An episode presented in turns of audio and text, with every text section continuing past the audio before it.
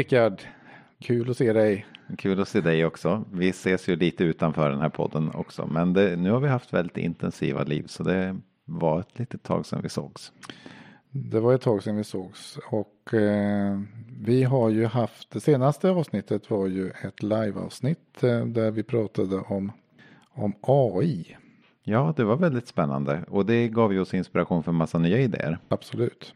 Ja. Alltså vad är gränsen för, för när en människa blir artificiell eller intelligensen tar över och sådana frågor. Ja, precis. Alltså hela tiden gränsen för vad är, vad är människa och vad är inte människa. Mm. Och eh, det är väl det vi tänker prata om idag. Vad är en människa?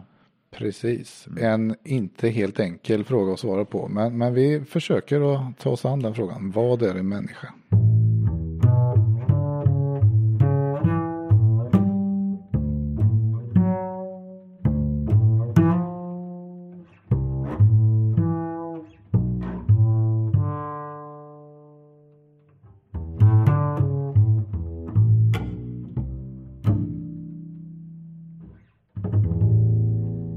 Finns en sketch eh, som eh, den här eh, humorgruppen Klungan har gjort. Där det är någon som har en monolog där han funderar på eh, vad är mat och vad är annat?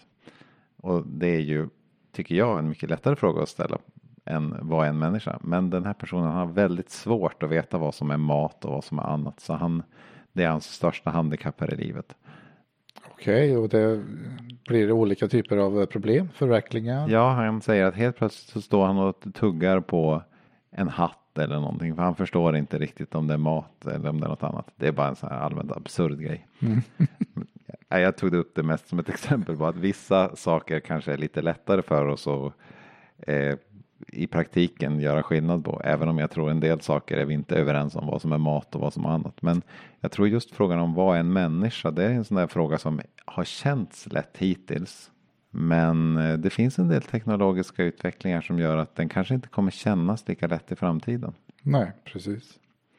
Men du Rickard, du som är teolog. Vi har ju sen vi spelade in förra avsnittet så har vi ju faktiskt eh, gjort en grej tillsammans. Du eh, tog ju med mig, eller ja, jag tog med dig, vilket som, på en liten resa till Lund, till Lunds stift.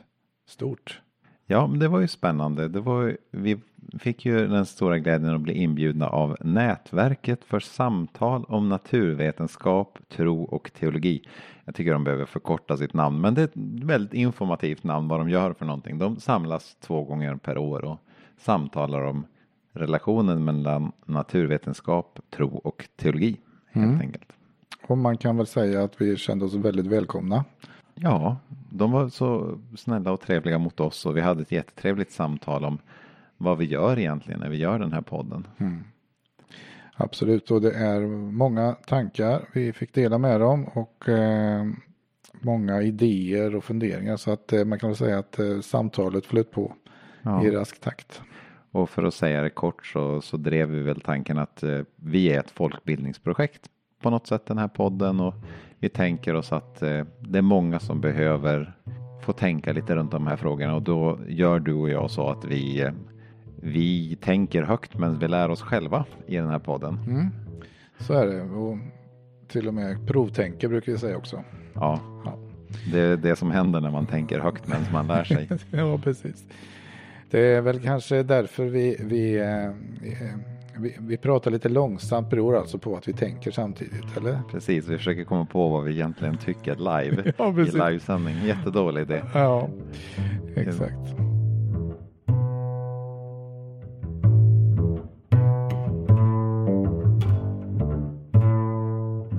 Jag tänkte att eh, för att prata om vad det är att vara människa så kan det vara kul att, att läsa ett stycke ur Wikipedia. Allmänhetens liksom mest populära uppslagsbok i dessa dagar. Har alltså Wikipedia en åsikt om vad en människa är? Ja, jag vet inte om man ska kalla den för en åsikt, men de har ett uppslagsord i alla fall. Ja. Det är ganska sakligt det här stycket, så jag tycker att vi kan börja läsa det också. Uppslagsordet är alltså människa? Ja, Ja, right. Och det här är svenska Wik- Wikipedia. Det finns ju på engelska också. Mm.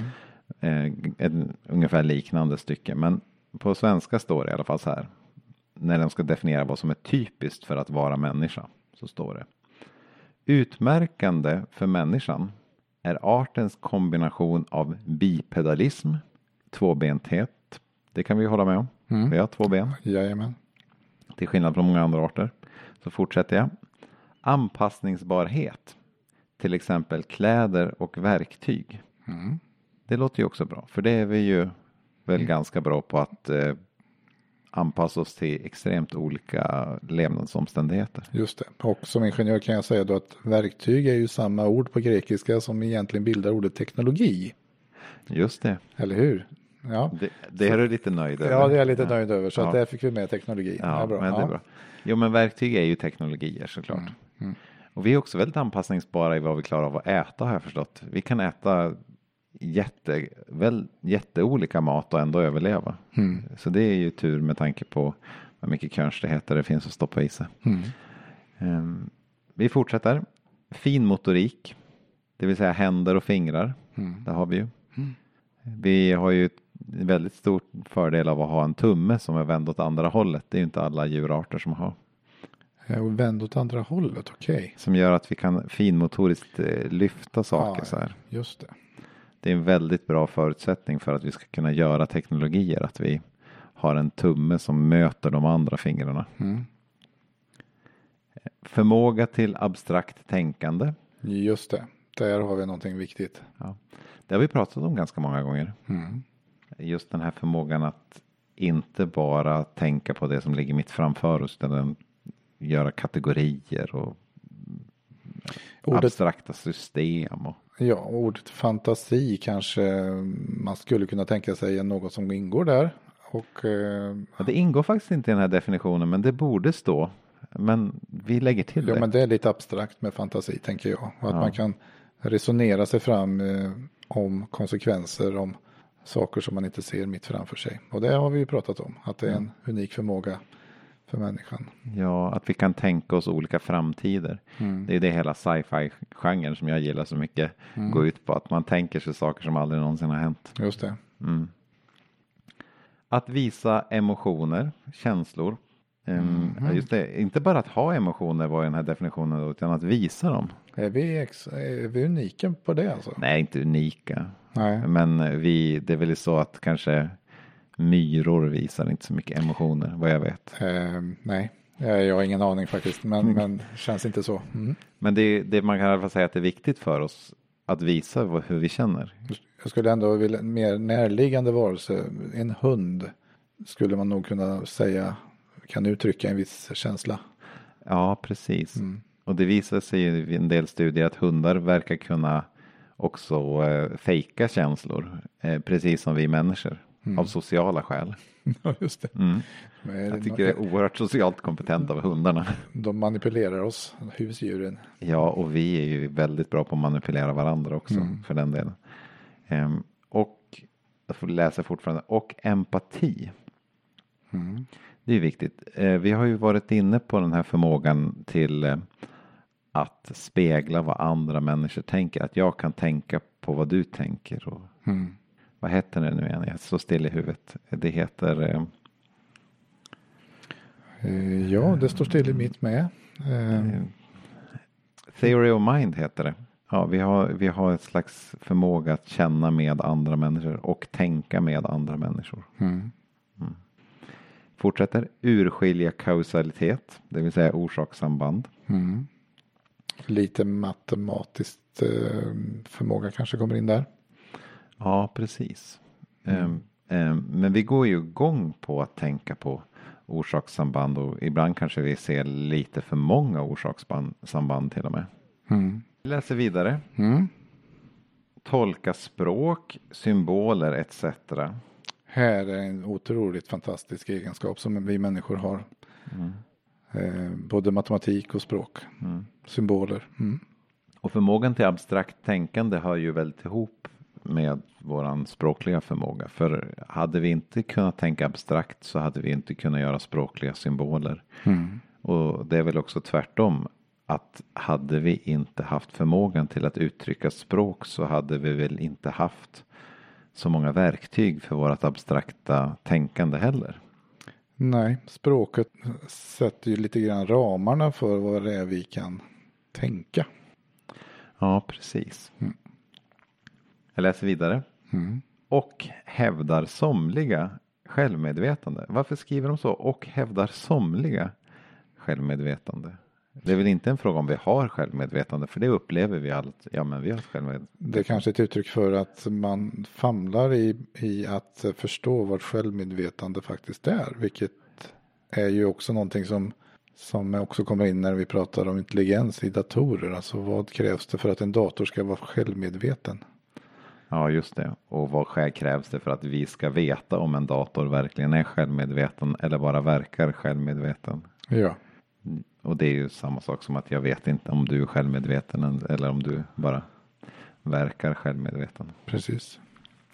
Och så fortsätter det med nästa mening, det tog slut där. Här står det vidare. Ingen av dessa egenskaper är egentligen unika för människan var för sig utan återfinns hos olika djurarter. Från insekter till andra primater och valar. Mm. Det kan jag nog hålla med om. Så är det säkert. Det är inte mitt expertområde men, men det är ju det är en sak jag har förstått och att, att eh, det finns eh, väldigt mycket fascinerande djurarter som, som kan mycket mer än vad man tror.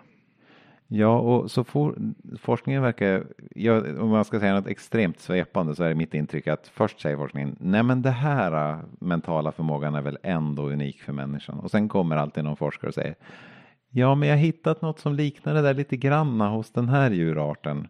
Fast det är mer utvecklat hos människan så att det ofta handlar mer om att människan har en viss förmåga fast i väldigt, väldigt mycket högre utsträckning än andra arter. Precis. Mm. Vet du förresten, alltså det här att människan har ju inte eh, rekord i storlek på hjärna utan det är väl eh, det, är väl, det finns väl någon bläckfisk tror jag det var som har en väldigt stor hjärna. Som jag, Jaha, okej. eh, men det jag tänker på nu när jag lyssnar på en eh, Science Mike eh, och hans poddar. Det de tre viktigaste sakerna för att hålla hjärnan fräsch. Vet du vad det är? Nej. Eh, jo, det är ju motion. Ja, Ja, ett rätt till mig. ja. Och sen är det att läsa. Ja, Och sen är det meditation eller bön. jaha. Det är valfritt alltså om man mediterar eller ber. Förmodligen. Ja. Men det är ju då den här främre loben i hjärnan som man liksom kickar igång då kring just eh, meditativa övningar. Det verkar vara så att det är det den är till för på något sätt. Så att eh, de tre grejerna och du har en fräsch hjärna. Och det, det jobbiga är att jag skulle nästan vilja påstå att på alla de tre områdena så leder du över mig. Eh, du är ju eh, ovanligt hurtig dessutom. Jag är säker på att din hjärna är i alldeles utmärkt skick. Ja, den, den håller på att krympa faktiskt. Jag känner att det, det går ut för.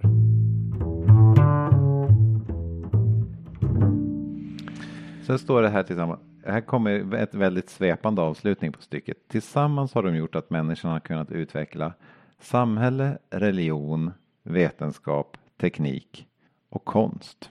Mm. Ja. Och här, här, här sveper den ju bara på ytan över någonting som jag tycker är ganska viktigt med att vara människa. Det är ju människans relation till allting annat i, i universum. Samhälle, det är väl ett sätt att uttrycka människans relation till andra människor. Religion är väl människans relation till det gudomliga, till Gud. Mm. Eh, Men inte så mycket om människans relation till resten av skapelsen. Nej. Det är sant. Mm. Men vi är ju en, både på gott och på ont så har vi ju så att säga ett förvaltarskap över vår jord. Inte minst i dessa dagar när vi har ett, lite bekymmer att hantera miljöförstöring och klimathot och så. Ja, och det, det är ju en jätteviktig del av den teologiska förståelsen av att vara en människa. Det här är definitionen på Wikipedia. Den har ju inga, gör ju inga anspråk på att Nej. uttrycka sig teologiskt om människan, utan den försöker bara beskriva. Det här är typiskt för en människa, men uttrycker inte alls det teologiska. teologi här. Eh, vad säger Bibeln om vad en människa är? Ja, jag tänkte vi skulle utgå från en väldigt klassisk psalm i, i Saltaren. Psalm 8. Och i psalm 8 så ställs det ju den här berömda frågan Vad är då en människa? Och jag tänkte börja läsa från vers 5 då. Eller jag börjar läsa från vers 4. När jag ser din himmel som dina fingrar format, månen och stjärnorna du fäste där. Vad är då en människa? Att du tänker på henne. En dödlig, att du tar dig an honom. Du gjorde honom nästan till en gud. Med ära och härlighet krönte du honom. Du lät honom härska över dina verk. Du la allting under hans fötter, får och oxar, all boskap och markens vilda djur och himlens fåglar och havets fiskar, allt som vandrar, havets stigar. Herre vår härskare, väldigt är ditt namn över hela jorden. Mm. Och den här tycker jag är väldigt intressant för dels så, så börjar det ju med men den här när jag ser din himmel så börjar han ju fundera över vad är en människa? Den här människans förmåga att liksom blicka ut över och se de stora sammanhangen och får att känna och svindla lite grann mm. och få börja fundera på vad har, vad har jag för plats i allt det här? Precis. Eh, men sen så kommer ju då en, ett svar som liknar ganska mycket det som vi har i skapelseberättelsen där skap, skapelseberättelsen berättar om hur Gud gör människan till Guds avbild mm. och till man och kvinna. Det vill säga både en jordisk varelse som förökar sig efter jordiska principer, sexuell reproduktion, man och kvinna, men också Guds avbild. Och i skapelseberättelsen så får de ju uppdraget att vara härskare över jorden. Precis mm. som, som i den här salmen då att eh, han säger att du lät honom härska över dina verk. Du mm. lade allt under hans fötter. Så även där är ju eh, i både eh, skapelseberättelsen och i psalm 8 så är ju den här positionen att vara mitt emellan det gudomliga och det jordiska. Mm. Det som är typiskt för människans position. Mm. Och det här härskandet kan ju tolkas på olika sätt. Men det vi har pratat om innan och som jag tycker är ganska rimligt. Det är ju den här tanken på hur människan är lite Guds förlängda arm in i skapelsen. Alltså Guds medskapare. Den som är menad att ta hand om Guds skapelse och, eh, mm. och utföra det som, som är gott och rätt helt enkelt. Mm. Du, du äh, lägger ju lite förskönande äh, ord kring just ordet härska då kanske man tänker utifrån dagens äh, sätt att se det. Jag undrar hur, hur salmisten skulle ha skrivit den här salmen idag. Därför det är ju lite grann när, när när man eh, hörde dig läsa här så är det just tydligt det här.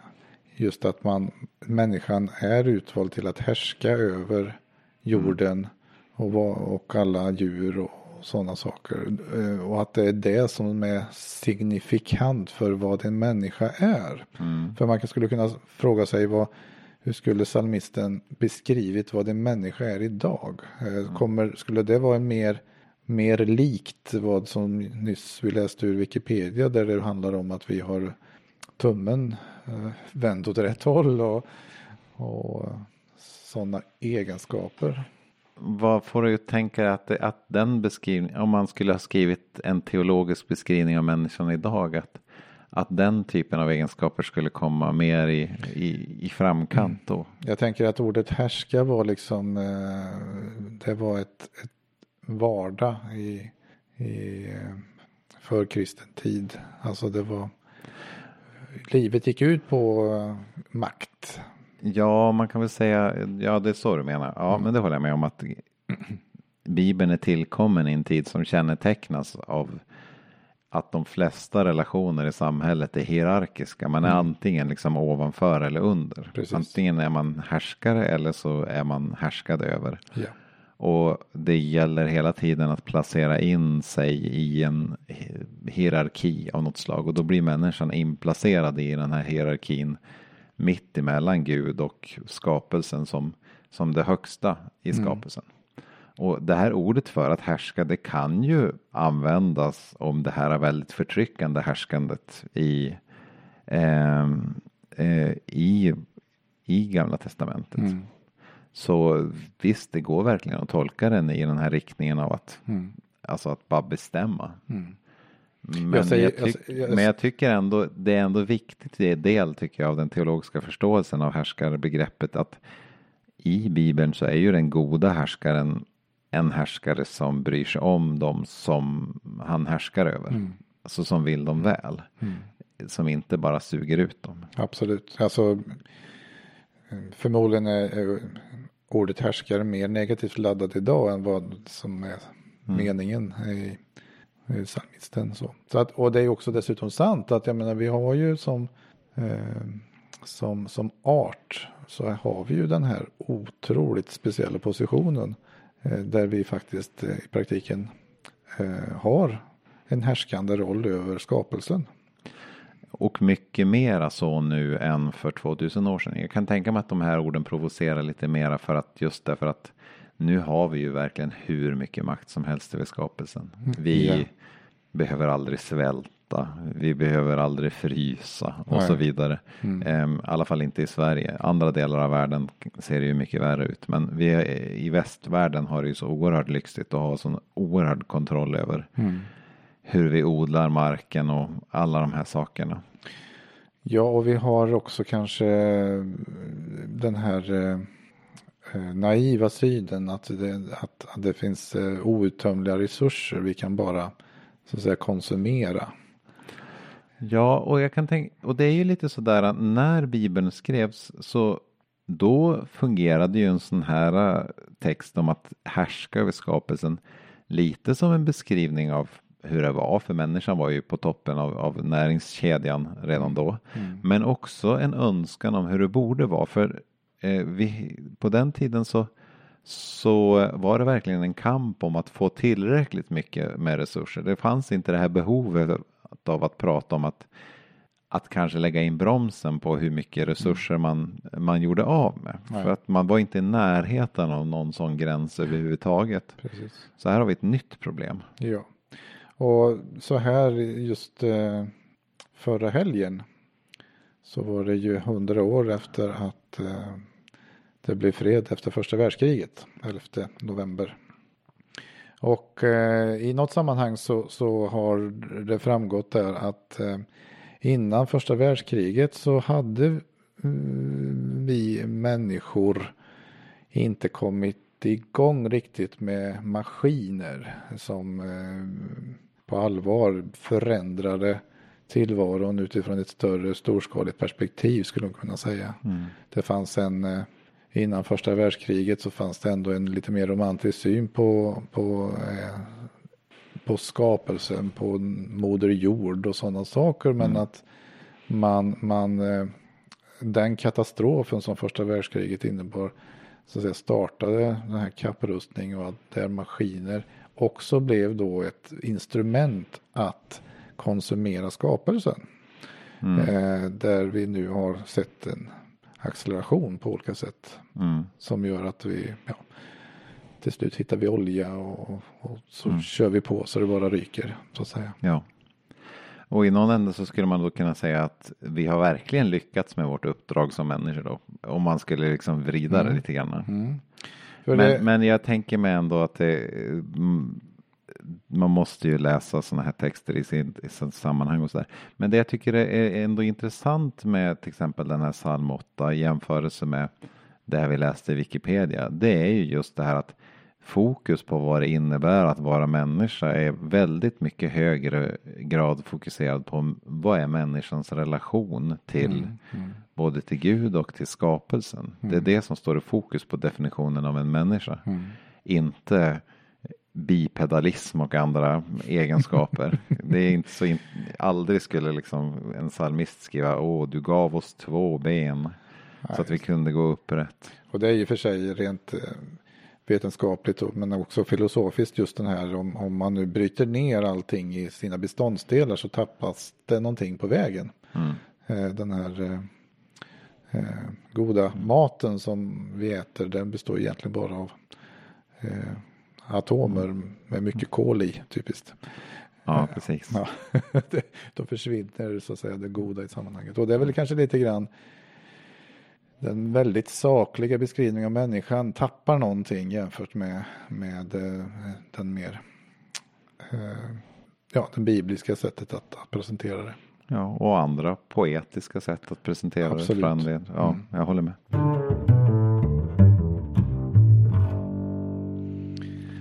Eh, Men vi var ju inne på eh, att människan kan härska över skapelsen. Eh, Det finns ju också en tanke där att, att eh, vi har därför förmåga att härska över vår egen utveckling. Ja, och det är väl till och med så att i, i den här eh, gudsbildstanken så finns det ju också teologiskt sett en slags uppmaning att härska över våran egen utveckling. Kanske inte härska över våran e- egen utveckling, Nej. men, men för att göra bilden lite mer komplicerad så är det ju så i teologiskt språk att det finns då de här eh, texterna som säger att människan bara är Guds avbild. Alltså i påstående form. Det är ett faktum om, om hur det är. Det här är människans relation, i, eh, eh, position i skapelsen.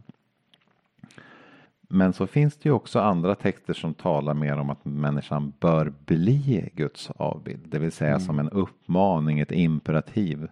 Om att, som säger att vi människor kanske inte riktigt är Guds avbild i varje bemärkelse och att vi bör sträva efter det. Eh, till exempel så har vi ju till exempel Efesebrevet som talar om att mm, uppmanar eh, oss att iklä oss den nya människan som har skapats till Guds avbild med den rättfärdighet och helighet som hör sanningen till. Och det är ju som en strävan mot att bli en, en bättre människa, det vill säga mer Guds avbild. Men då kan man ju plocka fram en tråd vi hade i förra avsnittet. Där vi lekte med tanken att ehm, vi människor är ju inte alltigenom eh, ehm, felfria. Det var ordet jag sökte. Vi gör misstag. Vi eh, kanske till och med eh, ja, det, det blir helt enkelt fel och vi har kanske inom oss lite ondska också. Skulle man kunna tänka sig. Eh, tänk om man då kommer fram till att eh, det fanns ett piller som gjorde att jag blev eh, mycket godare som människa.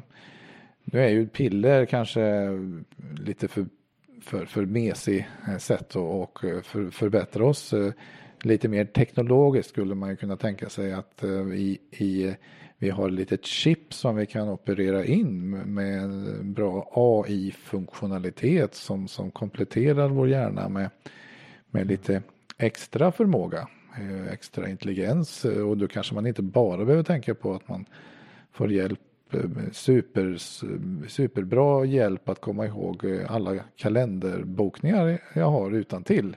Eh, utan man kanske kan ha någonting som helt enkelt väljer saker åt mig, tar, gör att jag tar klokare beslut. Man kanske helt enkelt skulle kunna chiptrimma min hjärna så att eh, jag ständigt gör goda saker. Mm. Är inte det att eh, ta hand om min utveckling, det vill säga härska över min egen skapelse? Ja, du menar härska över dig själv, alltså att du ska bli mer Guds skapelse genom Ja, detta eller, chip. eller, Ja. eller andra som också vill, Ja. vill nyttja detta. Ja, det är ju jättespännande. Jag tänker mig att det där, alltså i pillerform finns det ju redan. Alltså, jag tänker mig dels an, bara den här stora industrin runt antidepressiva medel som finns. Eh, Många människor blir ju faktiskt mer socialt funktionella av att få äta antidepressiva medel. Eh, De klarar av att ta hand om sina barn och eh, sköta sitt jobb och alla de här sakerna som är faktiskt någonting gott. Absolut. Och alla de här medicinerna som hjälper folk med koncentrationssvårigheter att koncentrera sig och kanske inte vara lika snabba på att börja slå till någon och, eller sådär. Och, eh, ja, så i någon mening så i pillerform har vi redan, har vi redan liksom karaktärsförändrande piller. Ja, och det, och det har vi ju levt med ett tag. Eh, generellt sett så, så är ju medicin och all, alla, eh, ja, all medicinsk teknik, det är ju också en teknologi som hjälper oss människor. Mm. Och vi ser ju en, en tydlig trend att jämfört med för jämfört med på 1800-talet så lever vi betydligt längre, vi är betydligt friskare. Mm. Generellt sett över jorden så är det oerhört mycket mindre svält faktiskt mm. och även mycket mindre sjukdom och så. Mm. Vi är faktiskt eh, eh, mycket mindre av krig också så det finns väldigt mycket parametrar mm. av godhet som vi just nu har. Den parameter som är lite negativ det är just konsumtionen av naturens resurser. Men... Mm. Och jag som är, liksom, håller på med antikens historia och vill gärna backa band väldigt långt tillbaka. Mm. Alltså jag tänker mig ju att egentligen det här med att göra sig själv till en bättre människa med teknologi. Det har vi ju ägnat oss åt så länge som vi har uppfunnit saker överhuvudtaget. Mm. Jag menar när man uppfann skriftspråket till exempel. Det var ju ett jätteeffektivt sätt för oss människor att i praktiken förbättra vårt minne. Även om vi inte har minnet i ett chip som är inbyggt i hjärnan så att bara det att vi har böcker och tidskrifter och elektroniska databaser numera. Mm. Men mm. en gång i tiden handlade det mer om lertavlor och, och eh, papyrusrullar och sådär. Mm. Eh, gjorde ju att liksom det gick att minnas mycket mera. Mm. Eh, och det är ju en slags teknologi för att förbättra oss som människor. Eller verktyg som gör att vi kan banka hårdare eller mm. borra med mer precision eller vad som helst. Det är mm. ju teknologier som gör oss till på något sätt mer än vad vi skulle vara utan de här teknologierna. Ja, och vi är ju också redan idag i eh, ofta med våra mobiltelefoner och sociala medier så, så har vi ju en väldigt stark påverkan av vårt tänkande fr från en yttre device. Ja, i sanning. Som, som, som eh, påverkar oss mer än vi tror trots att den inte är så att säga inopererad i mm. hjärnan. Ja, och den, den är ju verkligen en förlängning av eh, människans tänkande nu för mm. tiden, denna lilla sak. Men jag tänker mig alltså att, att skapa materiella föremål som styr upp vårt tänkande i en viss riktning. Det är ju också egentligen väldigt gammalt. Om vi backar bara till att bygga ett tempel eller till att bygga en kyrka eller till att mm. bygga mm. någon annan typ av religiös byggnad. Mm. Så är ju själva byggnaden en teknologi som är till för att rikta oss mot Gud. Mm. Att hjälpa oss att eh, förstå eh, hur en viss religion tänker på vissa punkter mm. och sådär. Så att där har vi ju en, en teknologi för att eh, ge, liksom styra vårt religiösa tänkande i en viss riktning. Mm. Bara i byggnader. Man skulle kunna fantisera om eh, den första människan som lyckades tämja elden. Mm. Jag menar, där borde vi ha en, en, teknologi som inte någon annan art riktigt behärskar. Ja. Skulle jag vilja påstå. Eh, kompisarna till den personen borde, borde ju ha, ha förfasat sig över detta. Att eh, detta ogudaktiga beteende hålla på och, och eh, så att säga ta kommando över en sån spännande grej som en elden. Ja, eld ser ju till och med le lite levande ut så Absolut. det skulle man ju lätt kunna tänka sig att, att det fanns föreställningar om att det fanns någonting demoniskt i någon bemärkelse. Ja. De kanske inte använde just sådana ord, men något andligt farligt över elden. Och den var ju farlig, för den kunde ju spåra ur. Mm. Eh, så det kan man mycket väl tänka sig att det var mycket kontroversiellt med eld. Så frågan är vad som idag är teknologisprång som, som vi idag eh, spontant skulle förfasa oss över. Men som kanske kommer att vara fullständigt naturligt om mm. 50 år eller något.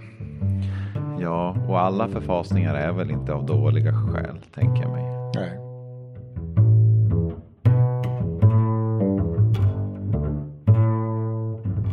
Men, men vi, vi kommer lite grann, vår, vår tes här nu då som, som vi bygger fram lite grann, det är ju att människan har hela tiden förbättrat någonting eller förändrat, eh, oftast är det bättre, sin förmåga. Eh, både fysiskt eh, och mentalt skulle man kunna säga. Precis, och frågan som vi ställer oss är kan, kan man då förändra sig så mycket så att man i någon bemärkelse inte längre är människa? Precis, alltså var går gränsen? Hur, om man nu tänker sig att vi har eh, eh, vi kan stoppa in konstgjorda hjärtan i kroppen, vi kan sätta proteser, vi kan göra väldigt mycket åt vår, rent fysiskt åt vår kropp. Mm. Eh, om man nu tänker sig att vi i framtiden blir, ökar den förmågan för ett gott syfte, att, att hjälpa olika saker. Alltså när tills, var går gränsen för när vi slutar vara en människa? Och jag tror det vi, i alla fall jag känner är kanske en ännu mer känslig fråga. Det är ju när man börjar eh, lägga in teknologier som, som förändrar vår förmåga till att tänka. Mm. menar bara att alltså, teknologin att skriva är ju en teknologi som verkligen har förändrats. Mm. Eh, människans förmåga att tänka. Men just de här nya svindlande tankarna på att, att ha teknologier som interagerar med hjärnan på ett Mm. väldigt intimt sätt. Just det. Är ju, där börjar man ju, tycker jag, ställa eh, sig frågan, kan man möjligtvis prata om en gräns där man inte längre ser sig själv som människa? Och då kommer vi kanske in på transhumanismen. Och du, du kan väl introducera Ja, den idén? Ja, eh, transhumanismen är ju en eh, förlängning av humanismen kan man väl säga. Som ordet myntades någon gång på 50-talet. Och eh, om man slår upp, eh, vi läser ganska mycket från, från eh, Wikipedia. Ja, det är en djupsinnig vetenskaplig metod Ja. att läsa ur Wikipedia tycker jag.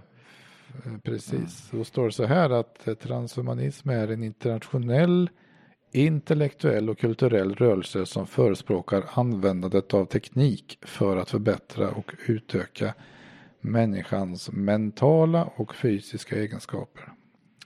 Eh, Och man kan säga att transhumanism, enligt transhumanismen har människan onödiga svagheter som leder till handikapp, lidande, sjukdom, åldrande och död. Och det är dessa svagheter man vill övervinna. Onödiga svagheter och vad sa du? Sjukdom? Det är ganska Eh. okontroversiellt att man vill att människor ska bli friskare. Ja. Och handikapp. Eh, Ja, där, där kan väl jag tycka att det är inte så jättekontroversiellt heller. Att kunna hjälpa människor med ett handikapp som vill bli hjälpta Precis. eh, måste väl på det stora hela vara ganska positivt. Det, det är ju en, eh, ett, eh, ett, vad heter det? Med, det är i högsta grad meningsfullt att man kan få en protes till exempel. Ja. Mm. Eh, lidande i allmänna ordalag. Ja, det är ganska, där börjar det bli lite intressant för där kan man nästan börja filosofera över kan våran, vårat sätt att leva som människor fungera utan lidande? Men bara en sån här sak som att det finns ju ganska mycket forskning som tyder på att vi, vi klarar bara av att vara lyckliga över någonting en viss mängd tid. Oavsett hur, hur vad man har åstadkommit så, så är man lycklig ett litet tag. Om, om jag har skrivit en hel liksom, vetenskaplig bok som har tagit mig tio år att skriva och så när jag får den publicerad då är jag säkert jätteglad i typ en vecka eller någonting över det. Men sen så är det bara man kanske skulle ta och göra något nytt och så sätter Ja, jag mig det här är ju grunden för, för, för oss som konsumenter hela tiden. Alltså vi, vi vill ju liksom se till att vi bedövar någonting som, som gör att vi eh, Ja, men det, var också, det finns också ett eh, evolutionspsykologiskt resonemang om att den som är lycklig hela tiden gör ingenting åt sin tillvaro och dör Nej. ut. Just det. Utan man ska, man ska bli lycklig när man lyckas uppnå ett mål. Men sen så ska man ganska snabbt blir antingen rastlös eller olycklig eller liksom i behov av att det händer någonting nytt.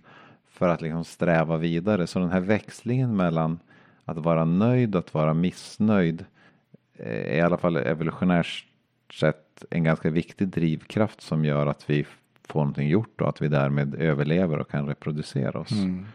Nu, nu finns det gott om exempel på lidande som jag mycket väl unnar var och en att få slippa. Ja, jo, det är sant. Jag, Eh. jag, men jag bara tänkte, ja men det stod, just det, för i artikeln stod det onödigt lidande, eller hur? Mm. Inte allt lidande. Nej, det kan vi väl. Eh, onödiga svagheter står det. Precis. Ja. Mm. jo, Och- okej, och- då, då ska jag inte, Men nu kommer vi in på några mer eh, Mm. eh, kanske eh, andra exempel på onödiga svagheter. okej. Som till exempel åldrande är en onödig svaghet. Mm, Det betyder att eh, min ålder är svagare som jag har nu än vad den var för tio år sedan. Det är ju för sig sant. ja, just det. Det går bara ut för efter Ja. 30 eller vad det är rent Ja, fysiskt. visst. Jag, jag måste ha tandpetare hela tiden och jag har progressiva glasögon och eh, Ja. jag är inte så där. Eh, ja, vi, vi ska skippa. Men eh, du kan i alla fall glädja dig åt att din hjärna blir faktiskt bättre och bättre ända fram till 50 i alla fall. Eh, det är Fast så. du är, ja, Eh, Nu har jag ju passerat det då i och för sig. ja, precis. Så nu går det ut för där också.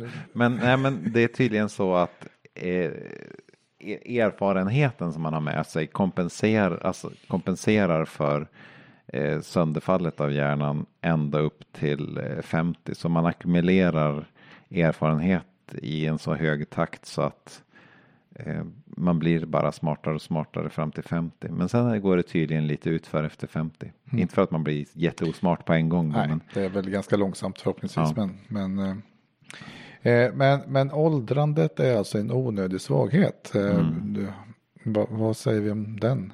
Jag kan också ta nästa ord. Eh, åldrande och död. Alltså död är också en onödig svaghet. Det där är ju väldigt intressant teologiskt. För i skapelseberättelsen så får man ju det här lite mytiska intrycket av att människan skapades först till en tillvaro där hon potentiellt sett inte skulle behöva dö. Och, och eh, i Edens lustgård så finns det ju någonting som är livets träd. Som när de äter av kunskapens träd. Då blir Gud orolig över att de kanske också ska äta vid livets träd. Och, eh, men han schasar ut dem ur Edens lustgård. För han vill inte att människorna ska få evigt liv när de har fått kunskap. Och det här är ju, är ju ska man ju förstå i hela antikens kontext av, av vad, vad är skillnaden mellan djur, människor och gudar? Jo, djur är inte rationella och de är dödliga. Människor är rationella, precis som gudarna, men de är fortfarande dödliga, precis som djuren. Men gudarna, de är ju både rationella och odödliga. Just det. Så, så där tycks ju det vara någon slags tanke på att om människan får båda de här egenskaperna så, så blir det för nära Gud. Det är att försöka tävla med Gud nästan. Alltså, och då betyder det att om vi löser åldrandets gåta och eh, eh, därmed eh, inte behöver dö, i alla fall inte av ålderskrämpor, då har vi och dessutom är rationella, då är vi som gudar. Ja, i någon, någon teologisk bemärkelse så blir det väl så då. Eh, eh, Ja. Och, samt, och samtidigt så är ju det kristna hoppet att döden inte är slutet. Utan att det ska komma en framtid där eh, man får leva i all evighet. Och vad det nu betyder. Eh, För det här, det här tycker jag är en ganska intressant skillnad mellan vad jag tänker mig är det kristna konceptet att leva i evighet och det transhumana konceptet att leva länge och potentiellt i en evighet. Det är ju att det transhumana konceptet är väl bara liksom att man fortsätter att leva en ganska vanlig jordisk tillvaro i ja men så länge som man vill. Och det blir väl, kan jag tänka mig, ofrånkomligen till slut inte så kul. Ganska tråkigt. Nej, det är väldigt svårt att föreställa sig en, en sekvens av händelser som är rolig i all evighet. Ja, alltså när man tänker då är det ungefär som att man, man tänker sig att man blir liksom fångad i en, i en tv-serie på Netflix som har oändligt många avsnitt.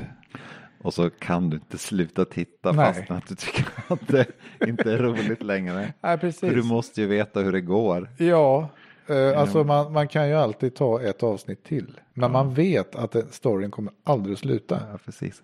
Och så sen så känns det så onödigt att ha sett så här många avsnitt och Ja. bara sluta. Ja. Det kanske känns som när man har levt så här 2000 år med någon slags livsförlängningsteknik. Att man bara, ja men nu när jag levt 2000 år, jag måste ju få se vad som sker nästa århundrade Ja. också. Annars har jag ju hållit på så här länge i onödan.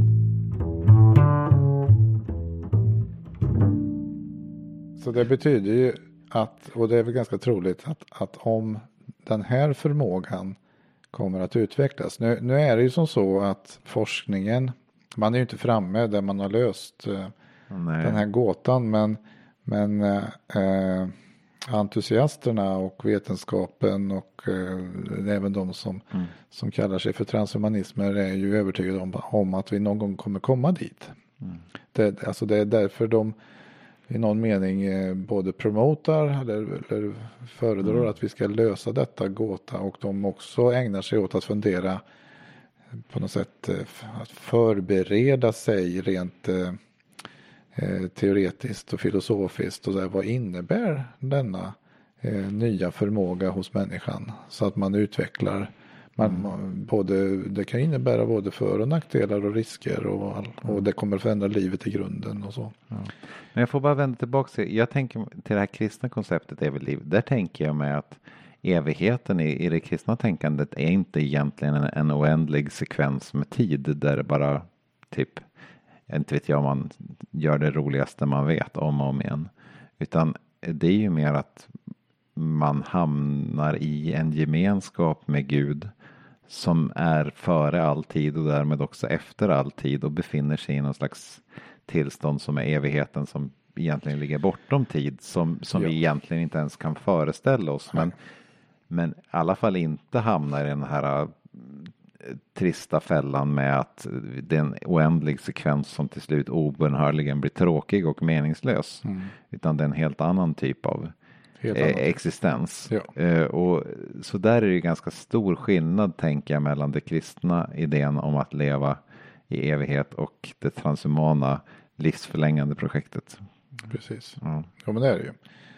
Eh, definitivt och, och eh, nu ska se vad var min tråd här. Att, att, Jo, men att, för, att för, förbereda, men hur förbereder de sig filosofiskt? Eh, Ja, alltså, och det är en bra fråga. Ja, alltså det finns eh, säkert litteratur. Man, alltså grejen med transhumanismen är ju att, att, att man, man så att säga börjar ju ta science fiction lite grann på allvar. mm, Om man nu ska eh, förenkla resonemanget lite grann. Det vill säga, vad händer om den här möjligheten plötsligt dyker upp? Ja, förmodligen så kommer det vara en, en, en eh, vara som eller en behandling eller en operation som säkert eh, kommer vara jättedyr.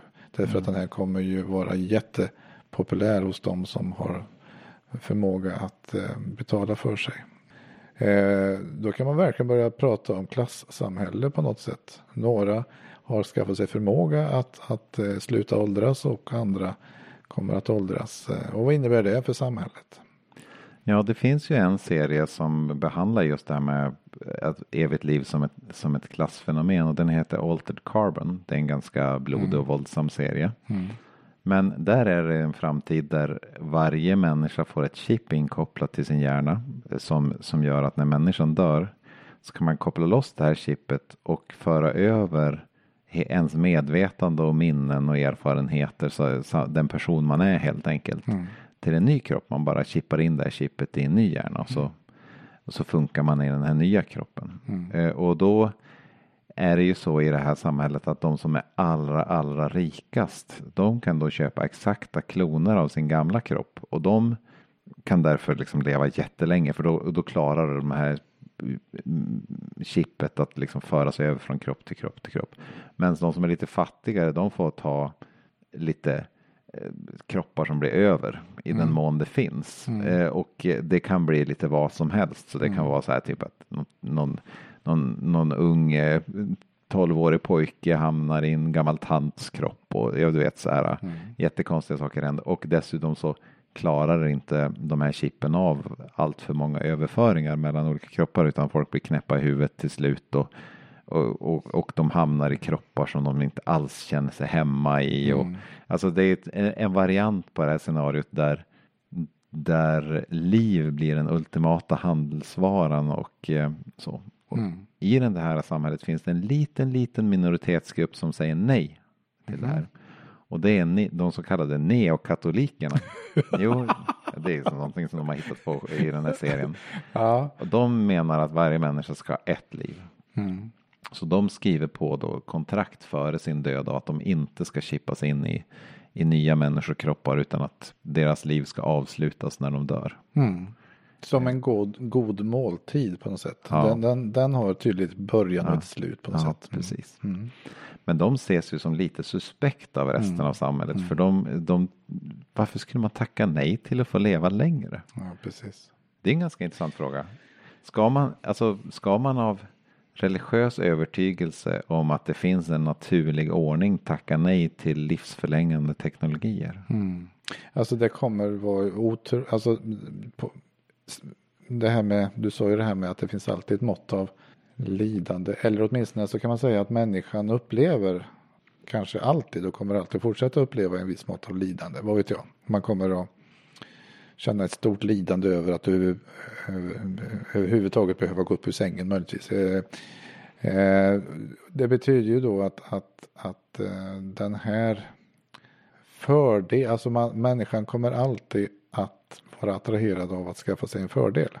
Ja, det jag och det, det betyder att om det här uppfinns eller om den här förmågan skapas eh, så, så kommer det bli eh, etablerad Ja. jättesnabbt. Och den kommer bli en slags normalitet som, som ingen egentligen tackar nej till. Precis. Eh, det tror jag också. Eh, och jag tror att de, de som tackar nej till det kommer uppfattas som någon slags ogenomtänkta Ja. extremister. Ja. Så man kan, kan väl säga att transhumanismen är en, en eh, inställning till eh, eller en, en eh, övertygelse om att det här är någonting som kommer vara väldigt positivt. Det finns en strävan över att vi så att säga ersätter eh, våra svagheter. Men jag tänker på det här med livscykel. I- Det finns ju en generell spaning bland biologer om att livscykelns längd är kopplad till hur lång tid det tar att reproducera sig. Och se till att nästa generation kommer igång. Så till exempel bakterier som kan reproducera sig jättesnabbt, de, har, de dör också jättesnabbt. Ja.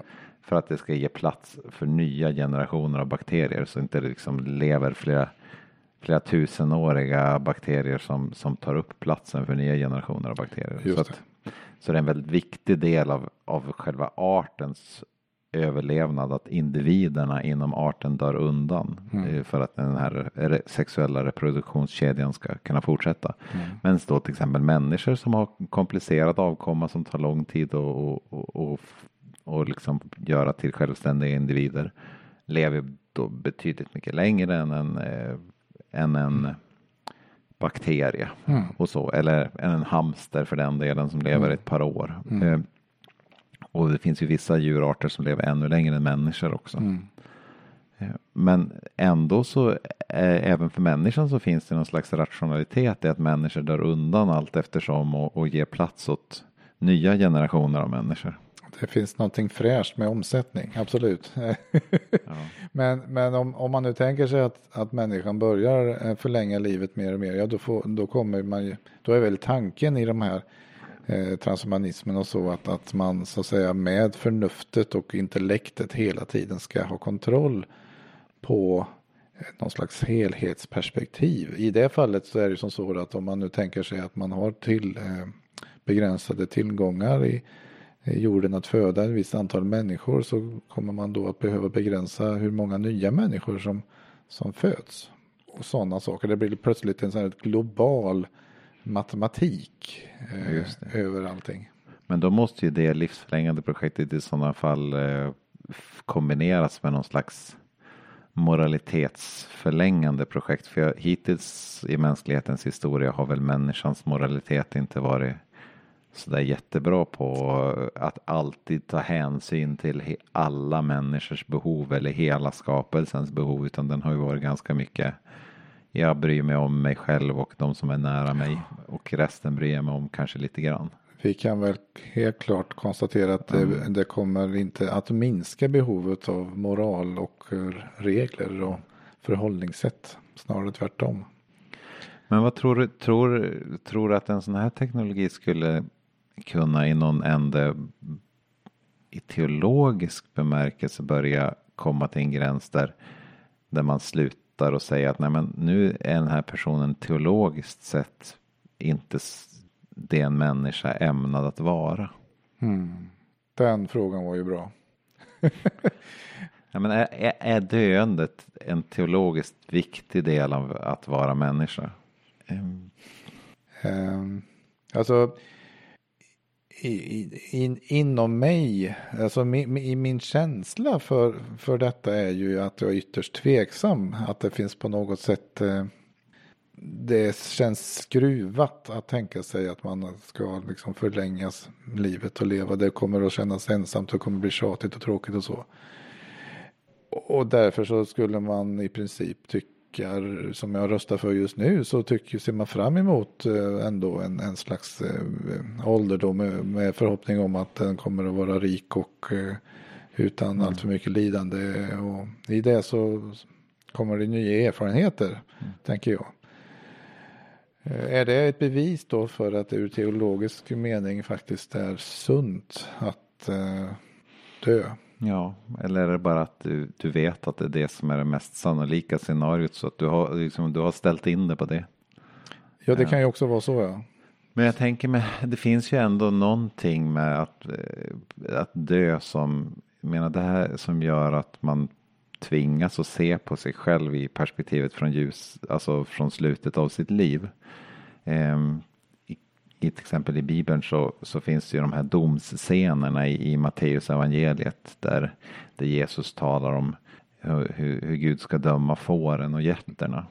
Och på den yttersta dagen så ska liksom fåren är de som har gjort gott i livet och getterna är de som inte har gjort gott i livet utan mm. struntat i sina medmänniskor.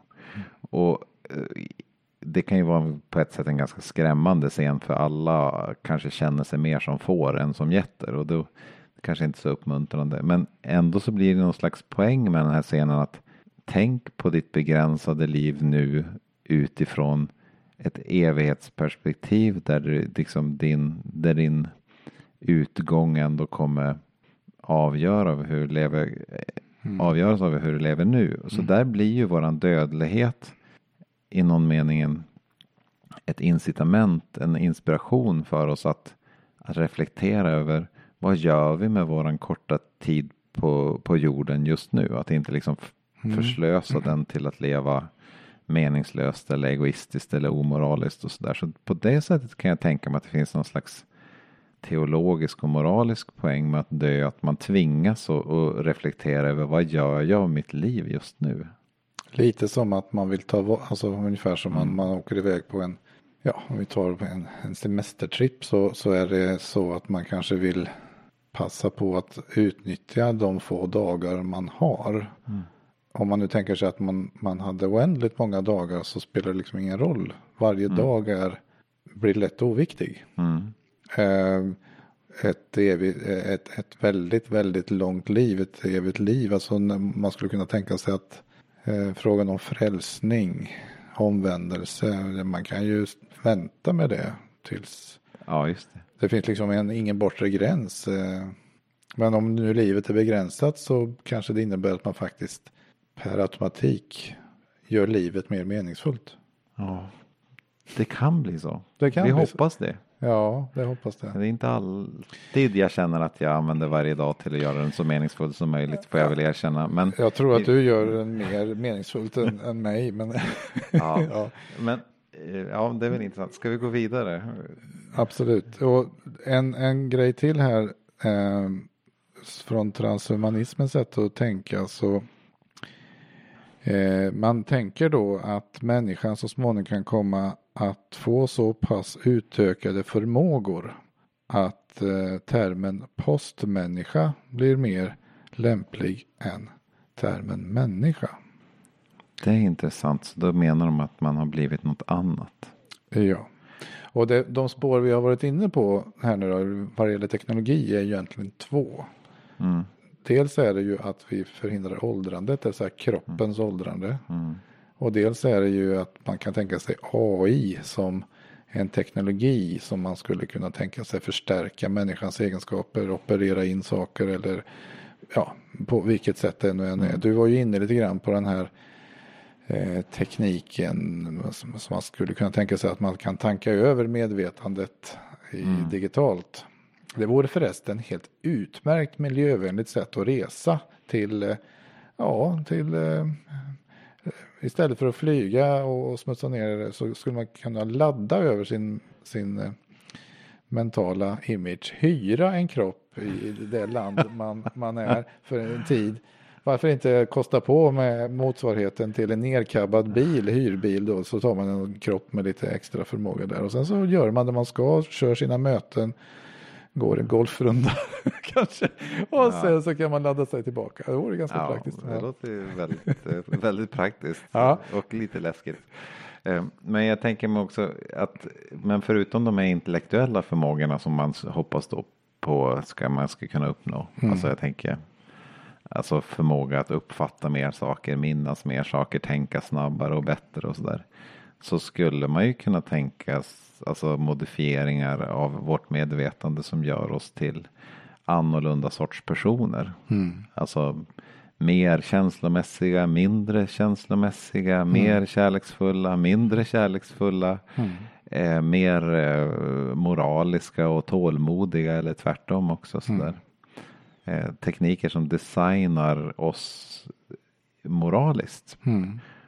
Men, och som också designar oss, kan jag tänka mig också, vad det gäller våran förmåga att, att erfara det gudomliga. Mm. Alltså, om man bestämmer sig för att, nej, men det, att erfara det gudomliga är dåligt så försöker man hämma de hjärnfunktioner som gör att man kan göra det. Och tycker man att det är bra så kan man gasa mm. på dem lite grann så att det är lättare att mm. erfara Gud. Mm. Um, Just det, man kan sälja ett chip som är så här gudsantenn. Precis. just det. Eh, där, där säger väl någon slags intuition att man, att man inte riktigt kan lita på, det kan man ju aldrig veta i och för sig om en erfarenhet av Gud är på riktigt eller inte. Men men det skulle kännas extra mycket som att man verkligen inte kan lita på om det verkligen finns någonting i den andra änden om man, om man liksom stimulerar sin hjärna. Nej, precis.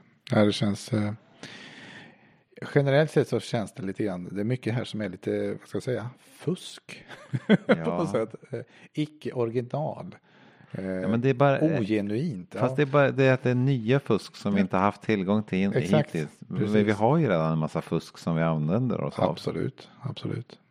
Men, men postmänniskan då mm. kontra mm. människan och då är ju intressant alltså om det, kräv, det ställer återigen frågan vad, vad menar vi då faktiskt med en människa som är den genuina människan och på vilket sätt skiljer mm. sig den människan från det då som ska, kommer att bli postmänniska?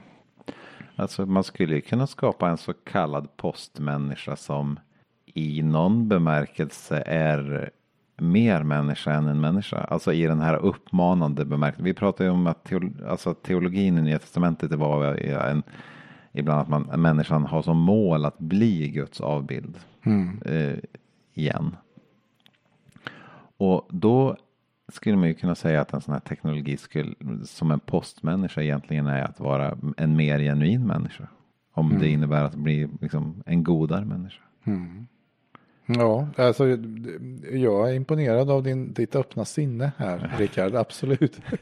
ja, men vi, jag säger ju bara därför att det känns fel att säga så samtidigt, eller hur? Ja, vi kan ju också säga eh, faktiskt, eh, när du säger, jag kommer att tänka på att det, det finns faktiskt en, en delrörelse i transhumanismen som är alltså eh, kristna transhumanister. Och det finns en församling eller flera församlingar, jag vet inte hur många. De kan men, inte vara jättemånga va? Nej, men, men det, en, det finns alltså där ja, man finns. kombinerar krist, ja. kristen tro med transhumanism. Och där man så att säga ser en mening med att det att, att, så att, säga, att vi människor utvecklar vår förmåga. Mm. Just utifrån ett liknande resonemang som jag använder eller något annat? Nej, men alltså vi har i alla tider utvecklat vår förmåga. Vi har liksom uh, ett Guds uppdrag att utveckla vår skapelse och så vidare. Mm. Och att man också känner att det är oerhört väsentligt att man för in uh, hela värdebatteriet. Eftersom i en framtid där förutsättningarna för, för mänskligt liv är helt annorlunda så behöver vi ännu mycket mer koll på vad som är moral, eh, vad som är gott och vad som är ont och så vidare. Och där mm. behöver så att säga, alltså den här tanken att den kristna mm. tron ger den här basplattformen om, om etik, vilket ju inte eh, delas, det resonemanget delas ju inte av ateismen men, men eh, det, det, är så de tänker i alla fall att det är ett nödvändigt bidrag för en, en mm. framgångsrik transhumanism. Ja, och när jag tänker efter så ingen av de här liksom, förändringarna vi har pratat om, alltså antingen att vi, man blir, lever längre eller att man blir smartare, att man blir starkare eller att man förändrar sina psykologiska egenskaper, är ju egentligen saker som, som säger någonting om att man förändrar människans roll i, i kosmos. Alltså det mm. säger ingenting om att man vill förändra människans roll i relation till varandra, människans roll i relation till skapelsen eller människans roll i relation till Gud. Nej. Och i någonstans den teologiska förståelsen av vad är en människa är ju att placera in människan i kosmos i relation till varandra och i relation till Gud och skapelsen. Mm. Så på det sättet så eh, skulle man nästan, jag tycker nästan man skulle kunna säga att det finns ingen transhumanistisk utveckling som egentligen i någon teologisk bemärkelse skulle förändra vad, vad det är att vara människa. Nej, det, det är ju, jag håller med om det. Att det finns eh, eh, i varje litet steg i vår teknologi så kommer ingen ha någonting emot detta. Mm. Det är väl möjligtvis om man summerar ihop till väldigt många steg där vi i praktiken har ersatt hjärnan med chip då. Eller om vi har mm. fått det eviga livet. Då har vi liksom eh, ändrat förutsättningarna väldigt mycket. Men eh, Ja, fast då, då, blir det evigt liv i någon helt annan bemärkelse än den som, som jag pratade om ja, innan i alla fall. Absolut. Då blir det den här evigheten som en lång sekvens av händelser. Just det. Som um, inte är evighet egentligen utan helt enkelt bara en lång sekvens av händelser. Ja, exakt. Ja.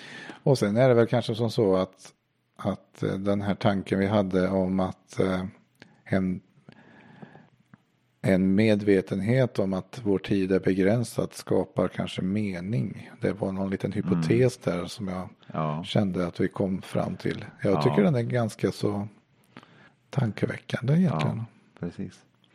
Men jag tycker egentligen, ja det håller jag med om, men jag tycker egentligen att å andra sidan så är det det här med att om vi har fört det här resonemanget om att inga teknologiska hjälpmedel kommer kunna förändra oss på, på något principiellt plan så att den förändrar vår relation till resten av skapelsen. Mm. Eh, då är vi också inne på liksom tvärtom frågan. Kan man skapa med artificiell intelligens andra typer av varelser som intar en liknande relation som människan i skapelsen?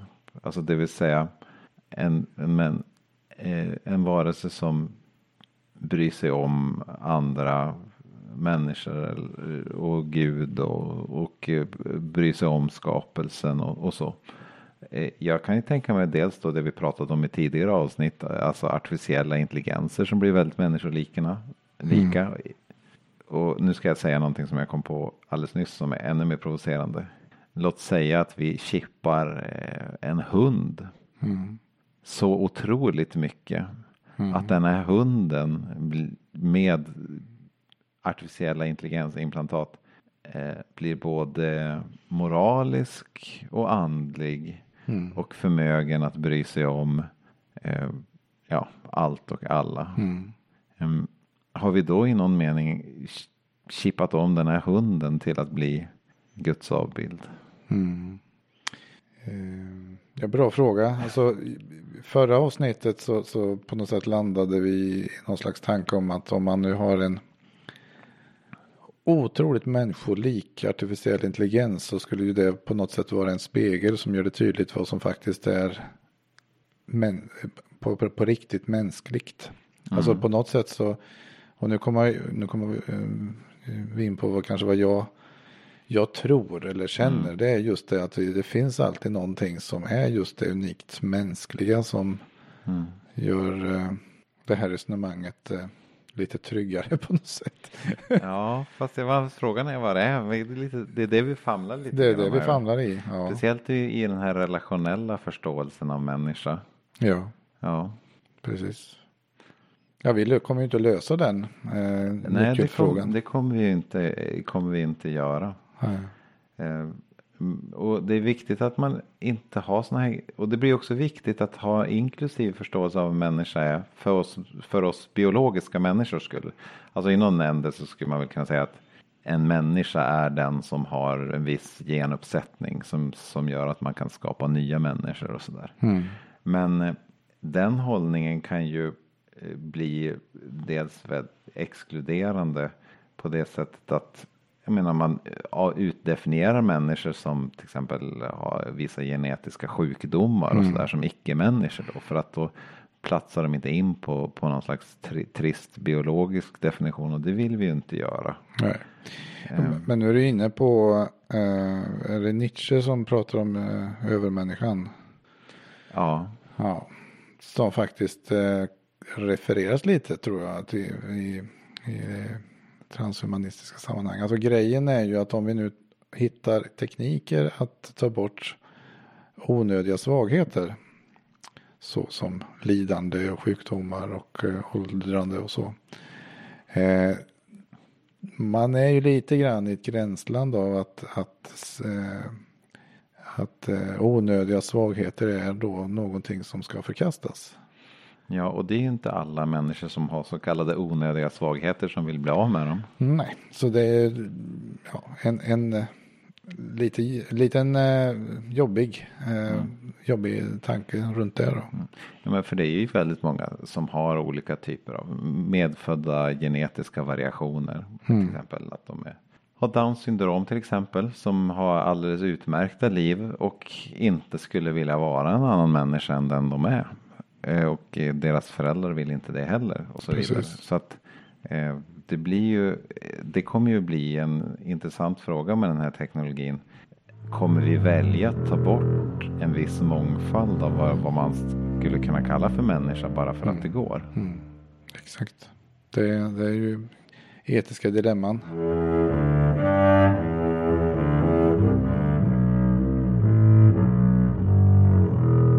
Det finns ju några eh, ganska framstående personer som, som, som eh, så att säga, bekänner sig till transhumanismen där.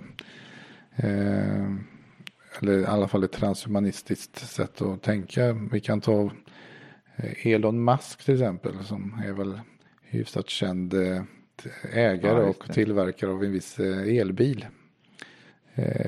Är ju i hela sitt tänkande och sitt sätt att driva företag och de fantastiska stordåd får man väl säga rent tekniskt och eh, visionärt på så. Eh, han är väl en makalös människa till att just vara visionär. Så, så är det ju till exempel eh, hur, hur ska man ta hand om problemet med den singulariteten inom AI då när, när AI har tagit hand om, tagit makt över, över människan. Ja, det, det, eftersom han tror att det kommer att hända, ja då, då behöver människan se till att skapa verktyg att göra sig smartare för att leda den här kapprustningen, det vill säga operera en chip så att säga, som, som stärker vår förmåga att hela tiden ha kontroll på robotarna. Bygger man inte bara in singulariteten i människan då tänker jag. ja, precis. Eh, en annan sån här- För, för jag kan ju tänka mig att i någon ände så skulle man kunna man skulle kunna driva den här smarthetstävlingen så långt att man kommer fram till att man att det är bra ur, ur den synvinkeln att rationalisera bort alla element av känslor som är väldigt viktiga för våran moral.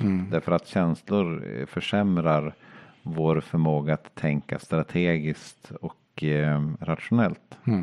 Eh, och då, då tar vi ju bort någonting som jag nog tycker eh, är ganska centralt för att vara människa. Förmågan att älska eh, andra än sig själv. Det kan ju så faktiskt vara något man kan fundera på om. Eller jag vet inte hur Elon Musk är på den punkten. Men, men eh, Jag tror säkert att han är nog inte emot kärlek. Jag nej. Eh, precis. Eh, och likadant eh, en drivkraft eh, med rymdprogrammet som han driver är ju naturligtvis att ja, men vi, mänskligheten måste så att säga springa på här att försöka lösa problemet att kunna ska skapa bosättningar på Mars till exempel och så för att vi håller på och förstör Moder Jord. Så att eh, oerhört framåttänkande på något sätt. eh, visionärt men också ganska dystopiskt i en kombination. Ja. Han, han förbereder sig för alla dåliga scenarion som skulle kunna inträffa i, i framtiden. Ja, precis. Mm. Mm. Ja, det är vi väl lite på lite sidospår igen vad det gäller att vara en människa. Det är ju väldigt spännande i sig då, men Mm. det är ju ändå intressant att fråga sig.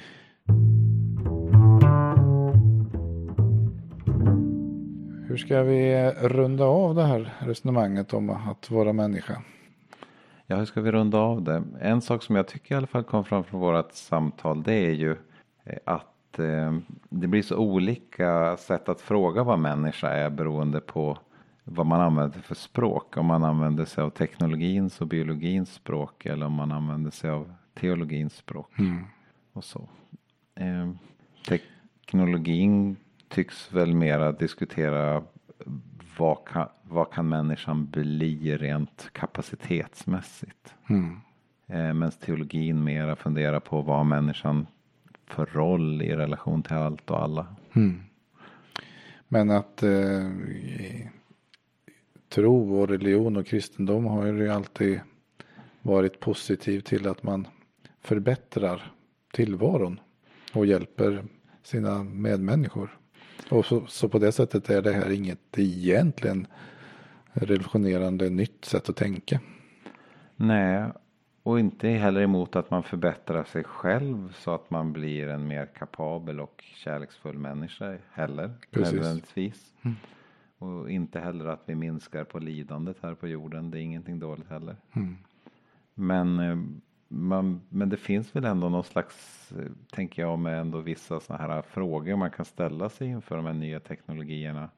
Eh, kom, alltså, kommer vi skapa teknologier där vi, där vi förändras i vad det gäller just de här förmågorna att bry sig om andra? Vad har vi för värderingar och sådär? Mm. Precis. För, så att det, det är ju en... ehm, och just den här aspekten kring att, att det finns de som, som är både kristna och transhumanismer. På något sätt så kommer ju ehm, de kristna tankarna att, att eh, vara väldigt användbara i framtiden tror jag. Just det i, kring att reflektera liksom de värden som ska ta riktning för hur vi använder våra nya teknologi och Absolut. hur vi avstår från att använda den. Mm. Ja men det håller jag med om. Mm. Ska vi sätta punkt där? Ja men jag tycker det. Det var... eh, Vi har ju tänkt mycket nu. Ja vi har tänkt lite fram och tillbaka, provtänkt lite Ja. grann. Ja det var roligt. Det var det bra. Men eh, tack, Tack. för detta Rickard.